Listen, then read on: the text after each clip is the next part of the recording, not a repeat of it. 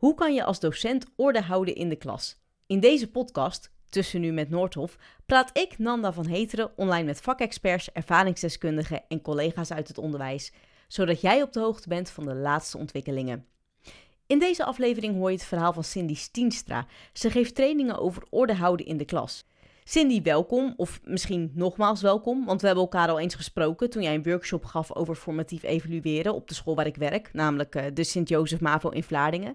En je was ook in aflevering 11 te gast om te praten over hetzelfde onderwerp, formatief evalueren dus. Um, om mijn geheugen nog even op te frissen, wat is nou de essentie daarvan? Ja, Nanda, eh, goede vraag. Uh, leuk om hier weer te zijn. Dankjewel voor de uitnodiging ook. Um, formatief evalueren, ja, dat is eigenlijk alles wat je er als docent aan kan doen, zodat je leerlingen antwoord kunnen geven op de vragen: waar ga ik heen? Wat is het leerdoel eigenlijk? Waar sta ik nu ten opzichte van het leerdoel? En hoe ga ik verder? En het maakt eigenlijk niet uit wat je doet, maar als je als docent alles wat je doet, dat zorgt ervoor, uh, wat ervoor zorgt dat leerlingen daar antwoord op kunnen geven, dat is formatief evalueren. Nou, mooi. Goed inderdaad en duidelijk omschreven. Um, als je dan meer over wil weten, dan kan je natuurlijk aflevering 11 van onze podcast terugluisteren. We gaan het in ieder geval deze keer hebben over orde houden in de les. Ja, waarom is dit misschien wel het belangrijkste aspect waarop leerlingen beoordelen of dat jij een goede docent bent? Ja, omdat orde houden gaat over de manier uh, waarop je de leerlingen als mens ziet, denk ik. Dus um, uh, als leerlingen, leerlingen willen graag een veilige plek in de klas en en, en eerlijke kansen. En, en uh, de manier waarop je orde houdt, die geeft de leerlingen eigenlijk impliciet die boodschap. Van, hè, dus de leerlingen leiden daaruit af, ben ik veilig en word ik hier, uh, ja, word ik hier wel gezien als mens. Laten we daar straks dieper op ingaan dan. Maar, maar eerst iets over jou. Uh, kan je kort vertellen wie ben je en wat doe je precies voor werk in de onderwijssector? Ja, ik ben dus uh, Cindy Stienstra en ik geef uh, onder andere trainingen aan docenten over onderwerpen als formatief evalueren, orde houden, uh, coachende vaardigheden, coachend lesgeven bijvoorbeeld. Um, maar daarnaast begeleid ik als coach ook docenten uh, binnen en buiten de klas. En af en toe denk ik mee met scholen over onderwijskundige vraagstukken. En ik schrijf ook nog wel eens een, een blogje of zo. Ja, dat zo ongeveer dan ben ik zo benieuwd wat jouw ervaringen zijn. Want toen ik bij jou die workshop volgde op mijn school, toen vertelde je van, ik was in het begin echt super slecht in orde houden. Maar, maar hoe komt dat dan? Wat heb je dan allemaal gedaan om nu vakexpert te zijn op dat gebied? Ja, zullen we bij het begin beginnen? ja, graag. Nou, daarom stel ik de vraag, ja. Kijk, leren begint met ervaren wat niet lukt. Je leert het meeste van je fouten, zeg ik altijd. En uh, ja, mijn, dat, dat ik nu trainingen kan geven in orde houden, dat is uh, de pure verdienste van, van al, al mijn gekluns aan het begin, moet ik zeggen. Ik weet nog, dat, ik, ik had het onzalige idee om op latere leeftijd in het onderwijs te gaan. Ik denk dat ik een jaar of 35 was. En ehm, ik dacht, ja, dat, dat, doe, dat doe ik wel even. Um, en dus ik had mij als bioloog goed voorbereid op een biologieles. En uh, H3C, die ik op dat moment had, die uh, waren meer geïnteresseerd in het uh, gooien van passers in het plafond. het smijten met boeken. En uh, ja, dat ging, die eerste les die ging helemaal echt. Alles, alles wat fout kon gaan, ging fout in die les. Dus ehm, dat was het begin, Nanda. Maar, maar wat was dan je drijfveer dat je dacht van... die passers moeten niet in het plafond, maar gewoon in je schrift? Of in je etui of weet ik veel.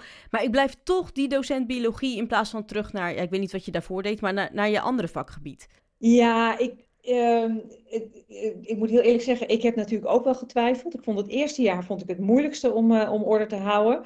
Maar ergens voelde ik ook wel aan van ja, dit, dit hoort erbij. Ik, ik, ik, ik pak dit gewoon hooguit nog niet zo heel erg handig aan.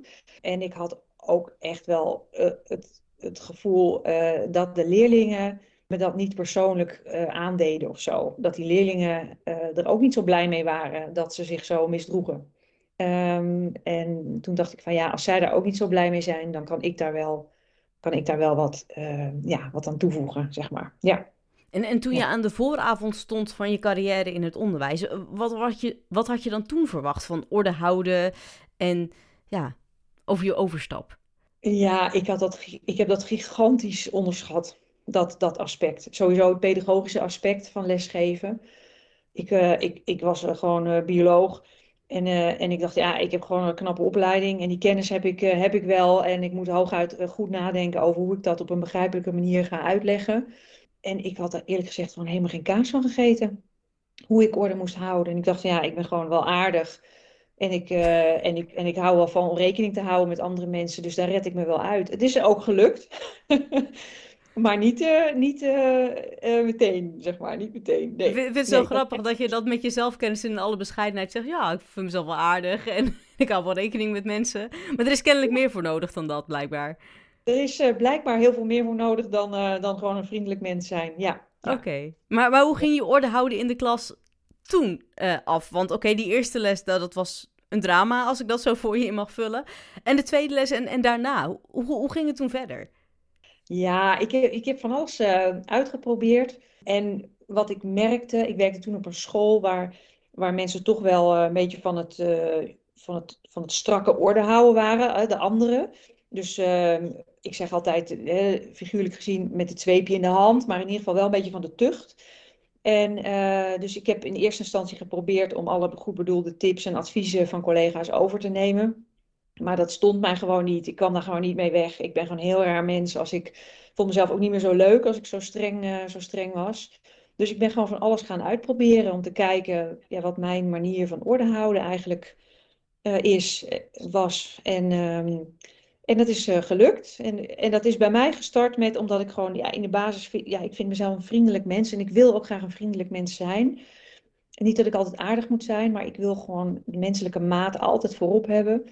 En toen dacht ik, wat kan ik nou als eerste stap doen? Toen ben ik gestart met direct uit mijn hoofd leren van alle namen van alle leerlingen die ik had. En dat ben ik in al die jaren daarna blijven doen. Door, voordat ik, de, voordat ik uh, in de zomervakantie ging, dan nieuwe klassen. Uh, dan kon je me gisteren alvast fotootjes zien en namen. En dan ging ik uh, die namen uit mijn hoofd leren. En ik merkte dat mij dat meteen op 1-0 voorsprong zette als ik in de klas kwam dit kan echt een super interessant gesprek worden. Want um, ik weet niet of dat ik over mezelf mag zeggen dat ik mezelf wel een leuk persoon vind. Als in aardig en vriendelijk en ik weet niet, een goed mens, of dat ik dat mag zeggen over mezelf. Maar ik ben dus echt super streng in de, in de klas. En uh, de menselijke maat en dat soort dingen. Nee, het is gewoon presteren. En uh, daarna komt dat menselijk contact uh, vanzelf en dat soort dingen. Dus dit, dit kan nog heel, erg, heel erg interessant worden, merk ik. Ja. en ik ben heel slecht juist in namen. Ja? Ja, maar ik heb ook 200 leerlingen hè, die eerste dag al voor mijn neus. En het spijt me, maar dan kan ik gewoon niet na, na één dag zeggen van... jij bent tien, jij bent tien en jij bent tien. Nee, dat heeft echt wel even nodig. En als we dan twee weken kerstvakantie of zo hebben... dan moet ik toch altijd eerst even een opfriscursusje... Uh, en inderdaad even in het, uh, in het volgsysteem kijken om, om te weten ook weer... Ik weet heel veel andere dingen dan weer wel. Ja. Maar namen gewoon. En dan hebben ze er ook nog allemaal een voor- en een achternaam. Nee, dat uh, vind ik lastig. Ja, ja, en dit is ook niet, hè, dit is precies een voorbeeld van, het moet niet, maar um, de uitnodiging bij orde houden is om orde te houden op een manier die bij, bij je past. Bij jouw persoonlijk, bij je persoon past, bij je karakter past. En um, dus die namen uit het hoofd leren, dat past, past heel erg bij mij. Omdat ik heel erg, uh, wat mijn uitdaging was, is in de klas meer contact maken met leerlingen. En een van de manieren waarop ik dat heel snel kon doen, is door uh, de naam van de leerling te kennen. Uh, maar er zijn, er, zijn, ja, er zijn een miljoen manieren om orde te houden. Voor zover, eh, ja, er is niet, er is niet één manier. Dus, wat, wat heb jij dan nog meer gedaan? Want oké, de namen onthouden en, en ze van tevoren ook kennen, dat is één ding. Leerlingen worden gezien. Maar dan begint het pas, toch? Ja, dan begint het pas. Ja, ik, ik kwam er op een gegeven moment achter dat ik, uh, dat ik de, de, de kennisoverdracht veel te veel voorop stelde. Ik, ik, ik, uh, kijk, een goede voorbereiding is, eh, vond ik heel belangrijk, want dan kon ik meer in het moment zijn. Maar doordat ik me zo goed voorbereidde, was ik eigenlijk alleen nog maar bezig met de les die ik had voorbereid. En niet meer zo met ja, wat zich eigenlijk feitelijk voor mijn neus afspeelde. En daardoor was ik de hele tijd te laat bij uh, het ingrijpen op ordeverstoringen. Dan zat ik de tijd maar weer na te denken van wat moet ik nu doen en was het alweer gebeurd. Dus wat ik, uh, wat ik ben gaan doen, met name door die namen uit mijn hoofd te leren, maar dat was een voornemen van start eigenlijk van gewoon meer contact maken met de leerlingen. En dat betekent niet uh, over hobby's uh, gaan zitten kletsen, maar gewoon in het moment contact maken met die leerling en erachter komen wat, wat is hier aan de hand op dit moment. En ja, dat, dat maakte ook dat ik uh, veel beter ging luisteren eigenlijk naar de leerlingen. En de signalen die ze afgaven eigenlijk ja, veel beter kon duiden. Dat, duurde, dat is natuurlijk een proces van, uh, van nou, in dat geval maanden, misschien wel jaren geweest. Maar ja, zo, zo heb ik het aangepakt. En zo is mijn manier van orde houden ook veranderd door door de loop der jaren. Ja. Uh, je, je weet misschien dat ik uit het onderwijs kom en korte kleine invalklussen aanneem als docent natuurkunde wanneer mijn werk in mijn eigen mediabedrijf. Ik ben freelancer, journalist, presentatrice en redactrice dit toelaat.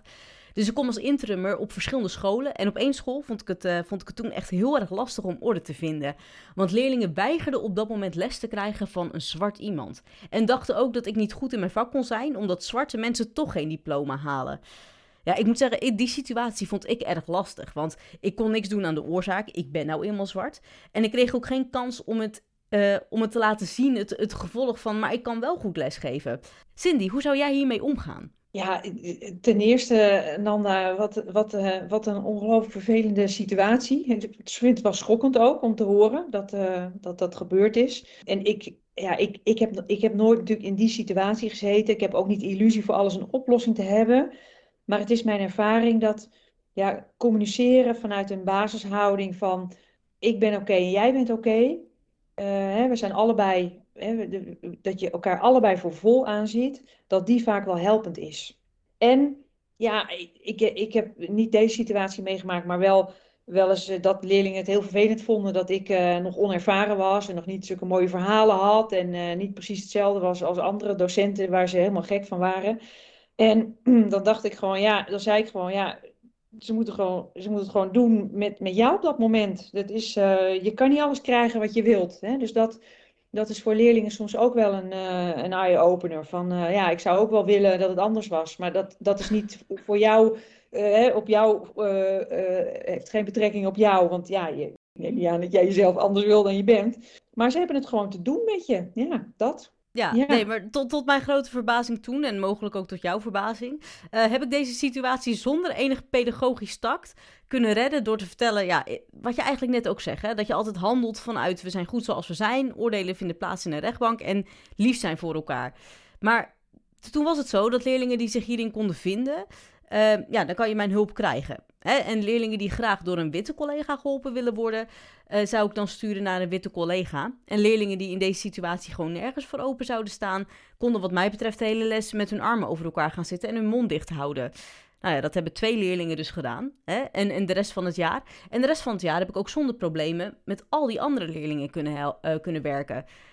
nu moet ik heel eerlijk zeggen, uh, ik gaf toen de controle voor mijn gevoel hè, en ook de orde deels uit handen. Dus het, het, het, viel toevallig goed uit, maar dat is meer geluk dan wijsheid geweest. Wat denk jij? Had ik het, had ik het anders kunnen aanpakken? Nou, je zegt zonder enig, enig pedagogisch tact, maar ik denk dat deze, deze handelswijze eh, getuigt van heel veel pedagogisch tact. Serieus, ik vind het meer mij, mijzelf als mens en mijn normen en waarden en die een soort van opleggen aan een ander. Nou, ik, ik geloof niet dat je ze hebt opgelegd aan een ander. Je hebt gewoon gezegd wat voor jou belangrijk is, hoe jij in het leven staat. Je hebt leerlingen een keuze gegeven. En je hebt ook uh, de keuzes die de leerlingen gemaakt uh, hebben gerespecteerd. En uh, wat dat betreft heb je de regie helemaal in handen gehad. En heb je de, ik zou dat niet anders hebben aangepakt. Nee, ik denk dat je dat heel goed hebt aangepakt. Oh, dat, vind, dat vind ik dan heel goed om te horen. Want dit is wel een situatie waar ik echt nog jaren later nog steeds bij dacht van oké, dit was niet goed. Maar... Wat, wat, wat, vond je daar niet goed aan, uh, Nanda? Nou, dat, wat ik al zei, dat het echt meer geluk dan wijsheid was dat het zo goed had uitgepakt voor mijn gevoel. En dat als iedereen zou zeggen, nee, we willen het niet, we blijven hier gewoon demonstratief zitten met onze armen over elkaar. En dan, daar hadden die twee leerlingen gewoon echt een jaar lang uh, het prima mee, hè? Hoe, hoe verantwoord je dan? Ja, nou, dat is gewoon steeds handelen vanuit het nu betekent ook dat je, dat je los durft te laten. Dus orde houden betekent ook, orde houden betekent niet de controle houden, maar de regie hebben over wat er gebeurt in de klas. En de regie is iets anders. Je hebt je leerlingen niet aan een touwtje. De regie houden betekent dat je de leerlingen ook ziet als bewuste denkers, als mensen die, die keuzes hebben, die, die bewuste handelingen inzetten, bewust gedrag. Uh, ja, door ze die keuze te geven en dat dus, daar dus iets in los te laten, uh, ja, weet je, als, ze- als ze keuzes hadden gemaakt die, die, eh, die jullie allemaal hadden geschaad, had je ze daarop aan kunnen spreken. Kun je het ook over hebben. Dus ik denk dat je dat heel goed hebt aangepakt. Ja. Nou, fijn. Fijn, fijn in ieder geval om te horen. Eh, we hadden het er net al over en misschien past het daarom eh, niet zo goed bij mij. Ik ben ontzettend streng. En Ik wil niet tegelijkertijd optreden als politieagent, maar ja, hoe zou je nou de basis kunnen houden tussen vriendelijkheid, maar ook duidelijkheid? En van dat laatste wat ik al zei, ben ik dan heel erg. Vriend, je kan vriendelijk en duidelijk tegelijk zijn. Hè? Dus je, je, je zegt, eh, hoe kan ik een balans eh, vinden, alsof het tegenpolen zijn van elkaar. Maar dat zijn het niet. Je kan heel vriendelijk je grenzen aangeven. Dat is het. Ehm, ja, je kan heel vriendelijk, heel duidelijk zijn. Ik, ik heb toch het gevoel dat mijn leerlingen dat niet altijd zo ervaren hoor. Want eh, ik probeer dan het woord nee te vermijden. Zo van, mag ik naar het toilet? Wanneer de bel gaat, kan je naar het toilet. Eh, en dat ze dat dan toch niet ervaren als vriendelijk, terwijl het alleen bedoeld is als duidelijk. Ja, eh, ik, ik ben ook geen voorstander van om het woord nee te vermijden. En dan, eh, Oh, is nee. Ja, nee, je kan gewoon heel duidelijk en vriendelijk en neutraal nee zeggen. nee, Ja. duidelijk. Ik had altijd geleerd van, biedt ze dan alternatief. Dus je kan naar het toilet, maar dan om zo en zo laat. En, en, en dat soort dingen. Ik, ik snap wat je bedoelt. Wat ik zie is dat heel veel regels negatief geformuleerd zijn. Je mag niet tijdens de les naar de wc. Hè, en ehm, en eh, het is voor leerlingen dan niet, zo heel, niet altijd even duidelijk en ook niet zo vriendelijk eh, om dat te horen te krijgen van wanneer mag ik dan wel naar de wc. Dus je kan ook zeggen, je mag in de pauze naar de wc of bij de start van de les. Of je mag naar de wc wanneer je wil, hè, dat, dat, dat- wat, je, wat jouw regel is. Maar ehm, het zit hem eerder in eh, dit mag niet, dit mag niet, dit mag niet, dan het woord nee. Ja, op die manier. Oké. Ja. Net als het woord moeten ook zo'n ja, negatieve lading heeft misschien. Ja, maar soms moeten dingen gewoon. En dan kan je het maar het beste. Kijk, ik, ik ben echt een groot voorstander van niet om die hete brei heen te draaien. Dus als iets moet, ga er dan, ga er dan niet eufemistisch omheen zitten draaien met allerlei woorden. Want leerlingen merken dat. Dan krijg je een soort dubbele boodschap. En daar krijg je juist ordegedoe van. Wees duidelijk. met Wat je bedoelt, zeg dat ook gewoon. En als het woord moeten daarin zit, dan maar het woord moeten. Nou, dat is, dat is duidelijk. Dan we- Ja. laat ik de volgende vraag er ook meteen kort en krachtig en duidelijk stellen. wat, kunnen docenten dan in hun voorbereiding van hun lessen doen om orde te houden? Ja, dat, dat, dat verschilt een beetje van persoon tot persoon. In mijn geval betekende dat eh, eh, misschien iets minder voorbereiden. Dus, eh, want omdat ik zo overvoorbereid in mijn lessen stond, ging het juist minder goed in de les zelf, omdat ik me dan aan mijn plan wilde houden. Maar wat ik ook wel zie, ik zie ook wel veel docenten die eh, in de voorbereiding van hun les, nou, ten eerste niet zoveel voorbereiden soms, wat tot ordegedoe kan leiden, omdat ze dan ja, in, tijdens de les bezig zijn met materialen te zoeken, bijvoorbeeld, die ze niet kunnen vinden. En dan hebben leerlingen tijd om zich te vervelen. Ehm, dat is één aspect. Dus een goede voorbereiding op het gebied van klassenmanagement is wel essentieel. En het tweede, ehm, zorg dat je werkvormen inzet waarbij de leerling aan zet is. Leerlingen die zich vervelen, die, eh, die, gaan, eh, die gaan voor ordeproblemen zorgen. Leerlingen die lekker bezig zijn, doen dat veel minder. Eh, dus zorg dat, het, dat er, dat er een rol voor leerlingen is weggelegd in de lessen. Ik zie nog wel eens lessen waarin er veel ordegedoe is. En dat komt omdat de docent eigenlijk voortdurend aan het woord is en de leerlingen stil moeten zijn. Maar eigenlijk niet zo goed weten wat er van ze verwacht wordt op het moment dat een docent aan het woord is. Eh, dus zorg dat je steeds in je voorbereiding ook nagaat. Wat verwacht ik dan van die leerling op de momenten, eh, op, eigenlijk op elk lesmoment, maar ook op de momenten dat je zelf aan het woord bent. Verwacht je dat ze aantekeningen maken? Verwacht je dat ze iets onthouden? Wat wil je eigenlijk dat ze doen? En dat, daar kun je in je voorbereiding heel veel rekening mee houden. Nou zie ik ook wel eh, zeker startende docenten die dan ja, hele mooie activerende werkvormen gaan uitproberen. Daar ben ik absoluut de voorstander van. Hè? Je kent me goed genoeg. Maar ik zeg, houd zeker aan het begin, hou het simpel. Ja? Doe iets met die leerling waar die leerling aan zet is, maar maak het niet te gek. Nu, nu zit ik meteen te denken van de reden dat het misschien of mogelijk wel bij mij op rolletjes loopt in mijn ogen op dit moment, is omdat ik gewoon vooraf in het begin van het schooljaar, wat jij zegt, ik leer dan de namen uit mijn hoofd, ik eh, maak gewoon alle lesvoorbereidingen voor het hele schooljaar en ik deel die ook met mijn leerlingen. Al die PowerPoint-presentaties, de toetsen in tweevoud maak ik, RTTI, antwoordmodel en dat soort dingen, die deel ik uiteraard niet met ze. Die deel ik alleen met mijn collega's. En de rest, de jaarplanning en, en, dat soort dingen, altijd meteen in de eerste les. En ook via het eh, eh, eh, digitale systeem. En met gewoon het gevoel van, stel jij bent er een les niet, of ik ben misschien er een les niet, dan kan je in ieder geval nog verder en je weet gewoon van minuut tot minuut wat er van jou verwacht wordt, wat we gedaan hebben, wat we gaan doen, met inderdaad verschillende werkvormen. Dus als nou ja, deze 10 minuten luisteren bij wijze van spreken niet leuk is, dan weet je dat er daarna wel een andere opdracht komt. Daar zit dus wel echt een verband in tussen je les goed voorbereiden, dit vooraf meegeven aan je leerlingen en orde houden, begrijp ik. Ja, want uh, dat, dat biedt leerlingen ook duidelijkheid en veiligheid. Ze weten wat ze kunnen verwachten bij jou. En niet dat je niet te creatief en onvoorspelbaar mag zijn af en toe, en daar wil ik ook vanaf zijn. Maar uh, je lessen goed voorbereiden geeft ook een, uh, een, een, zekere mate van duidelijkheid, een duidelijk signaal af aan de leerlingen. Ja. Ja, je kan dus wel wat ruimte nemen, maar je moet gewoon het gevoel overbrengen dat, dat het bij jou veilig is. En in mijn geval doe ik dat met een goede voorbereiding, begrijp ik. Ja, ja, kijk, en ik vind het ook een kwestie van ook een goed voorbeeld geven. Hè? Walk the talk. Je wil ook dat leerlingen zich goed voorbereiden. Dan moet je als docent ook goed voorbereiden. Duidelijk, ja. ja. Zie je dan ook een trend in bijvoorbeeld dat jongeren beter of juist minder goed bij de les zijn in deze tijd? Ja, ik, ik, ik, ik sta sinds, sinds drie jaar niet meer, uh, niet meer in de klas. Uh, maar wat ik ja, ik vind het altijd uh, uh, gevaarlijk. Hè? Ik, ik, nader ook de leeftijd dat mensen wel eens een beetje zurig kunnen worden over, over de jeugd. Hè? daar, wil ik, uh, daar wil ik voor waken. Want dat, dat, wat, wat ik zie, ik denk niet dat jongeren of, of leerlingen minder goed bij de les zijn. Maar ik denk dat de lessen minder goed bij de, bij de leerlingen passen. Dat. En dat is wel een trend van, van nu. Ik denk dat de coronapandemie ons uh, beter zicht heeft gegeven op wat er niet werkt aan ons onderwijssysteem. Dingen zijn, er zijn fantastische dingen die gebeuren in het onderwijs. En er zijn ook, uh, er is ook een bepaalde, ja, we zeggen, zeggen reguliere, ja, misschien hè, dat, dat één oplossing, één les voor, voor, voor iedereen die steeds minder recht doet aan leerlingen. En ik vind het een, een mooie vergelijk bijvoorbeeld met... Vroeger keken we allemaal op tv uh, naar, naar wat er op dat moment op Nederland 1 en 2 was. Ja, toen ik klaar was hadden Nederland 1 en 2. En dan keek je gewoon, je deed hem aan en dan keek je wat er op dat moment was. Dat is ondenkbaar. Nu, nu, uh, nu kijk je gewoon op het moment dat je wat wil zien klik je dat aan. Als je een film wil kijken, dan ga je die film kijken. Je, je opent de streamingdienst of je hebt het opgenomen of, of wat dan ook. Dus uh, wat we op televisie kijken, we kijken het niet eens meer op televisie, hè, maar gewoon wat we kijken is helemaal niet meer aanbodgestuurd, maar volledig vraaggestuurd. Maar ons onderwijs is nog steeds grotendeels aanbodgestuurd in plaats van vraaggestuurd. En uh, ik denk dat in dit tijdsgevricht uh, um, ja, vraaggestuurd onderwijs. Dat betekent niet dat, je, dat iedere leerling helemaal individueel maatwerk moet krijgen, maar iets meer vraaggestuurd onderwijs. Dat dat beter bij bij de jongeren van dit thuisgevricht zou passen. Dat denk ik. Nu, nu kan ik me daar heel erg in vinden.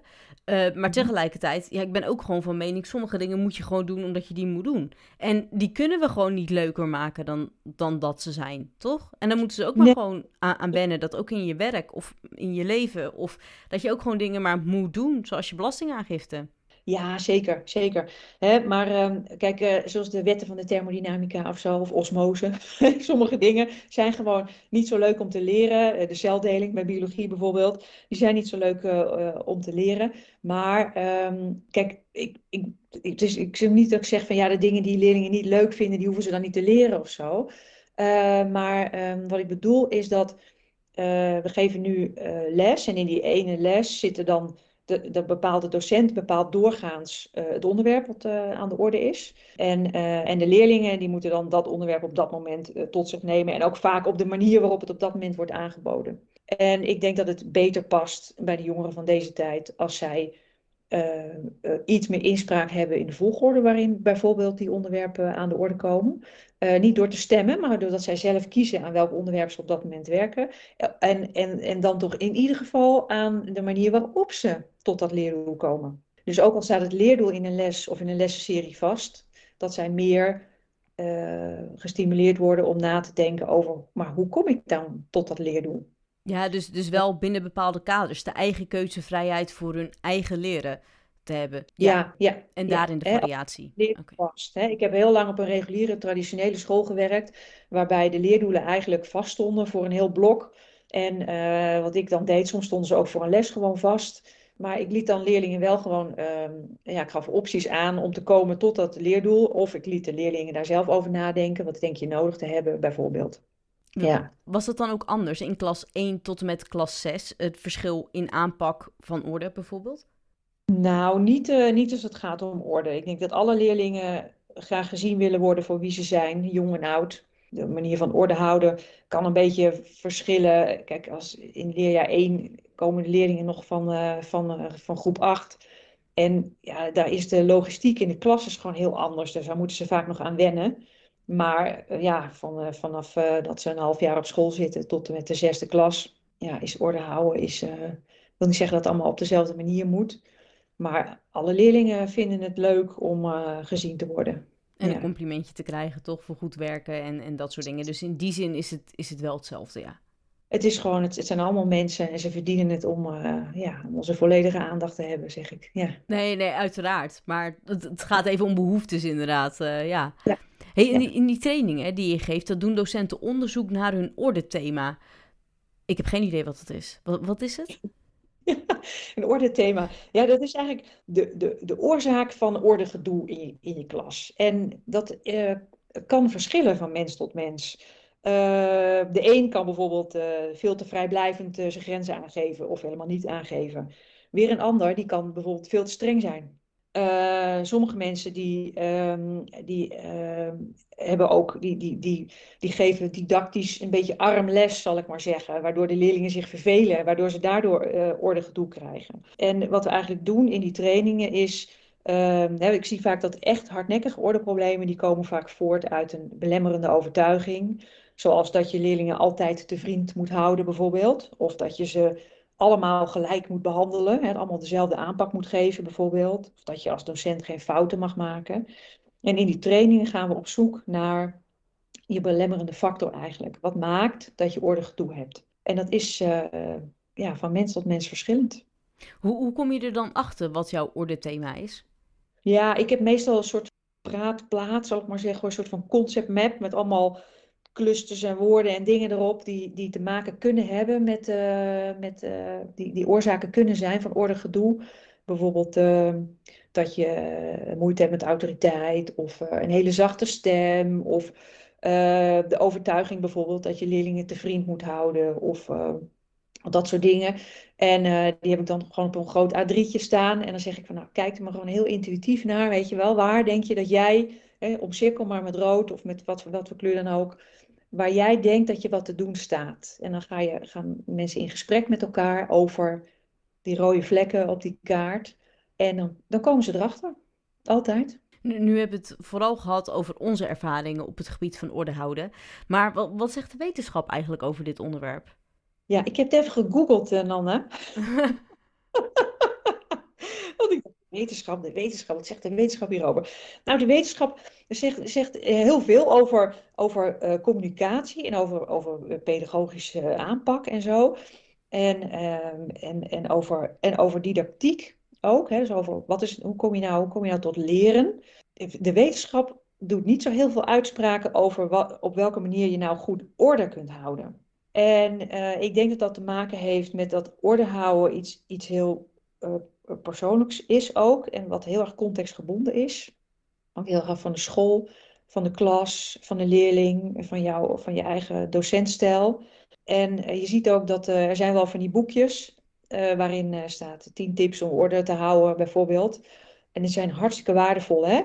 Als dat dingen zijn die, gewoon, die je gewoon over kunt nemen en die werken voor jou, prachtig, prachtig. Maar als de oplossing voor iedereen daarin was, dan zou het niet zo'n groot punt zijn dus ik krijg heel veel mensen in mijn training die wel een aantal van die dingen in die boekjes hebben toegepast, maar uh, die dan nog steeds ordeproblemen hebben. Ja, dan ligt de oorzaak wat dieper. En ja, dat is het met, met ordeproblemen. Die hebben eh, vrijwel altijd iets te maken met ja, de overtuigingen die je hebt over uh, communicatie met anderen bijvoorbeeld. Maar hoe, uh, hoe heb jij dan je trainingen opgezet? Ik heb mijn trainingen zo opgezet dat ik ehm, ehm, dat we uh, nou, eerst, uh, dat we eerst wat ontspanning creëren rondom het uh, thema orde houden. Okay. eerst ook eens kijken van wat is het eigenlijk? Waar is het eigenlijk belangrijk voor? En, hè, want je ziet vaak dat de mensen toch met de deur dicht ehm, ja, een wonden zitten te likken. want ja, als je geen niet goed orde kan houden, dan ben je geen goede docent. Dat is vaak al een belemmerende overtuiging. Uh, je ziet ook vaak dat uh, zeker zittende collega's daar niet altijd even, even ruimdenkend over, uh, over, over oordelen, laat ik het maar zo zeggen. En ehm, dus wat we doen is eerst wat ontspanning creëren, gewoon door eens te kijken, wat, wat, wanneer heb je eigenlijk goede orde? Is stilte goede orde? Of is en is lawaai geen goede orde, bijvoorbeeld? Nou, dat ligt er een beetje aan waar het over gaat natuurlijk. Want leerlawaai, um, nou, dat, dat vind ik prima orde. Maar als ze het over hele andere dingen gaan hebben. en ze breken de tent af, bij wijze van spreken. en ze hangen in de gordijnen. dan vind ik het iets minder goede orde. Voor mezelf. Ja. ja, maar jij, ik merk aan jou. jij hebt gewoon een beeld van, van wat orde voor jou is. Maar mensen die echt, echt worstelen met hardnekkige ordeproblemen. en zeker de starters. Die, die hebben nog heel vaak de overtuiging van ja, het moet heel stil zijn. Ik moet voor de klas staan en de leerlingen moeten doen wat ik zeg. Ja, als dat je beeld is van orde. En, en dat kun je niet houden, je kunt dat niet bewaren, die orde dan, dan zeg je eigenlijk voortdurend tegen jezelf, ik kan het niet. Ja, op nou, dus, dat, dus eerst dat. Eerst is wat ontspanning op dat uh, onderwerp. En vervolgens gaan we kijken van nou, waar, waar ligt het dan uh, bij jou aan? En dan, uh, en die gaan we dan, daar, daar, gaan we wat voor verzinnen. Ehm, wat ik ook nog wel eens doe is met, met de docenten is een, een recept om in de puree te geraken schrijven. Waarbij ze eigenlijk de manier waarop ze hun eigen ordeproblemen in stand houden op papier zetten. En die is, uh, die is uh, vrij hilarisch. Dus wat je doet is je schrijft eigenlijk voor iemand anders. Schrijf je het recept, zodat je precies die puree, die, die ordeproblemen kunt recreëren, zou ik maar zeggen, die je zelf hebt. Om een voorbeeld te geven, in mijn geval, je gaat thuis, ga je je ongelooflijk goed zitten voorbereiden. Echt liefst tot in de late uurtjes, zodat je de volgende dag zo moe mogelijk bent. Ja? En ga er ochtends ook nog wat puntjes op de i zitten zetten. Het liefst ook nog als de les start dat je achter je computer zit, nog even wat puntjes op de i zet, uh, als de leerlingen al binnenkomen. Ja? Oké, mhm. start dan gehaast je les. Ja? Richt je volledig op de beamer ja? of, je, of je digibord. En, uh, en, en, uh, en negeer de eerste signalen dat leerlingen iets anders willen. leerlingen zich niet gezien voelen. Dat weet je wel zo. Dat, dat, je dat, dat, je daar, dat, dat, dat, dat zorgt ervoor dat mensen inzicht krijgen. Ze, je ziet, ik zie ook wel dat mensen ordeproblemen zien als iets wat ze overkomt. Het zijn de leerlingen die het doen. Die leerlingen zijn zo druk en, en al die dingen. Maar, maar die leerlingen houden je hoog uit een spiegel voor. Altijd pijnlijk om te merken, daarom doet het ook altijd zeer. Maar die leerlingen laten je hoog, houden je hoog uit een spiegel voor. Dus uh, je doet het zelf. Het is niet schuld, het is niet een kwestie van schuld. Maar je bent zelf de sleutel tot het oplossen van, de, van die ordeproblemen. Die controle heb je gewoon zelf. Dus, dus zicht krijgen op hoe je die puree in stand houdt, dat is, die is vrij essentieel. En dan, um, ja, dan gaan we bijvoorbeeld uh, wat dingen oefenen, als een uh, simulatie, een klassensimulatie. Uh, en we halen wat uh, theorie bij. En dan, ja, gaan mensen tussentijds aan de slag. Maar dan hoor ik je ook zeggen dat um, dat, dat gewoon, ook al kan je misschien geen orde houden of heb je er op een bepaald moment problemen mee of moeite mee, dat je nog steeds een goede docent bent. Want als ik dan hoor over jouw verhaal, iemand die zich zo goed voorbereidt en zo het beste wil voor de leerlingen, heeft alleen de focus op dat moment niet bij wat de leerlingen op dat moment nodig hebben. Het is mooi dat je dat zegt, want er is een soort, ik, ik zie hem langzaam verdwijnen, maar er is een soort hardnekkige, informele regelhaast in het onderwijs. Ik denk dat die al heel oud is. Ik denk dat het een beetje stamt uit de tijd dat als je voor de klas ging staan als starter, dan werd je eigenlijk gewoon even onder water gehouden. Zo. En als je vanzelf boven kwam drijven, was je een goede docent. Dus als je, als je het redde in een klas, ja, de klas test je dan ook even lekker uit. Hmm. En als je het dan redde qua orde houden, nou dan was je een goede docent. Dat is, en dat is een hardnekkige, ja, hardnekkige informele cultuurregel haast die uh, gelukkig op heel veel scholen weg is of, of, heel erg op de achtergrond is geraakt. Maar ergens waart hij nog, misschien in ons collectieve onderbewustzijn of zo, hè, gewoon omdat we zelf ook op school hebben gezeten vroeger, dat orde houden en een goede docent zijn, die twee zijn, zijn uh, bij heel veel mensen nog steeds aan elkaar verbonden. Nou, natuurlijk moet je voor een goede les, om leerlingen tot, tot leren te laten komen, moet er een bepaalde mate van orde zijn. Maar het is een middel en geen doel op zich. Dus een docent die goed orde kan houden, hè, kan er nog best wel voor zorgen dat de leerlingen eigenlijk heel weinig leren. Bijvoorbeeld door heel strak orde te houden en daarmee didactisch te verarmen. Iemand die niet zo goed orde, nog niet zo goed orde kan houden, kan uiteindelijk een fantastische docent zijn, omdat hij een didactisch, gigantisch repertoire heeft bijvoorbeeld. Dus uh, ja, als je moeite hebt met orde houden, zegt dat helemaal niets over of je wel of geen goede docent bent. Dat, dat, dat blijkt, dat komt daarna wel. Uh, deze podcast die begon natuurlijk met de vraag: hoe kan je als docent orde houden in je klas? Um, hoe, hoe doe je dat? Ja, goede vraag. Uh, nou ja, door, door misschien wel, um, wat, ik, wat zie, zie is dat veel docenten uh, ordeproblemen zien als een teken dat ze geen goede docent zijn of dat er, dat er van alles misgaat. Maar door gewoon met nieuwsgierigheid en moed op zoek te gaan naar waar die ordeproblemen vandaan komen. Um, dus je vizier open te houden en daar wat onderzoekend naar te kijken. Um, en, en dat ook samen met anderen te doen. Dus door anderen uit te nodigen in je les en eens te vragen: wat zie jij hier gebeuren? Soms drukken leerlingen op een knop bij je, waardoor je niet meer precies kunt zien wat er gebeurt. Je miskent de situatie eigenlijk. En een, uh, een buitenstaander, of uh, nog beter een, een, collega die, die de leerlingen ook kent, die ziet soms iets anders dan dat jij ziet in die situatie. En dat kan, kan heel helpend zijn. Dus, dus dat zijn al een paar van die gouden tips. reflecteer naar jezelf wees je bewust, je bent wel een goede docent, ondanks dat je misschien af en toe moeite hebt met orde. En uh, laat andere mensen naar je kijken om jou te helpen in je persoonlijke ontwikkeling. Ja, ja.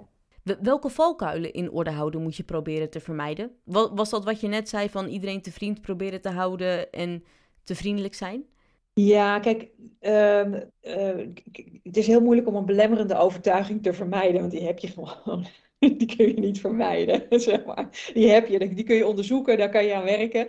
Maar, maar de valkuil vooral is dat je ordeproblemen niet, dat je, ze, dat je ze persoonlijk neemt, eigenlijk. Dat je ze ziet als een, eh, een reden dat je geen goede docent bent of geen goed mens, of dat je te weinig zelfvertrouwen hebt, of, of weet ik veel wat. Hè. Dus uh, ja, dat, je, dat ordeproblemen een bewijs zijn dat je geen goede docent bent. Die valkuil, die zou ik ten alle tijden vermijden. Ja, ja. Nu in deze podcast hebben wij heel veel tips met elkaar en ervaringen uitgewisseld. Dus stel, je zou morgen al beginnen met uh, je lessen anders indelen op het gebied van orde.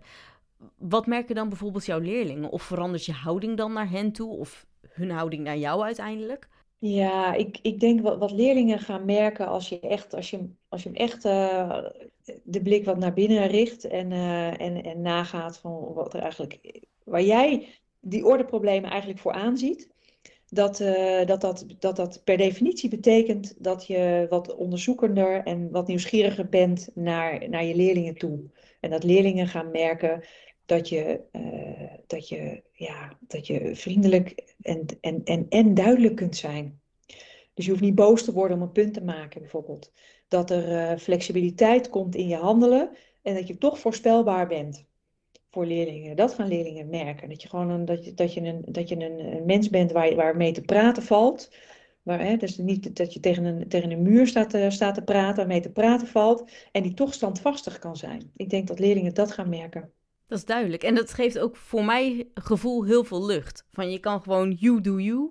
En, en, en dan gewoon handelen zoals je, zoals je zegt dat je doet. Ja, precies. Ja, en dan komt er ook wat ruimte tussen het handelen van die leerling en jouw handelen.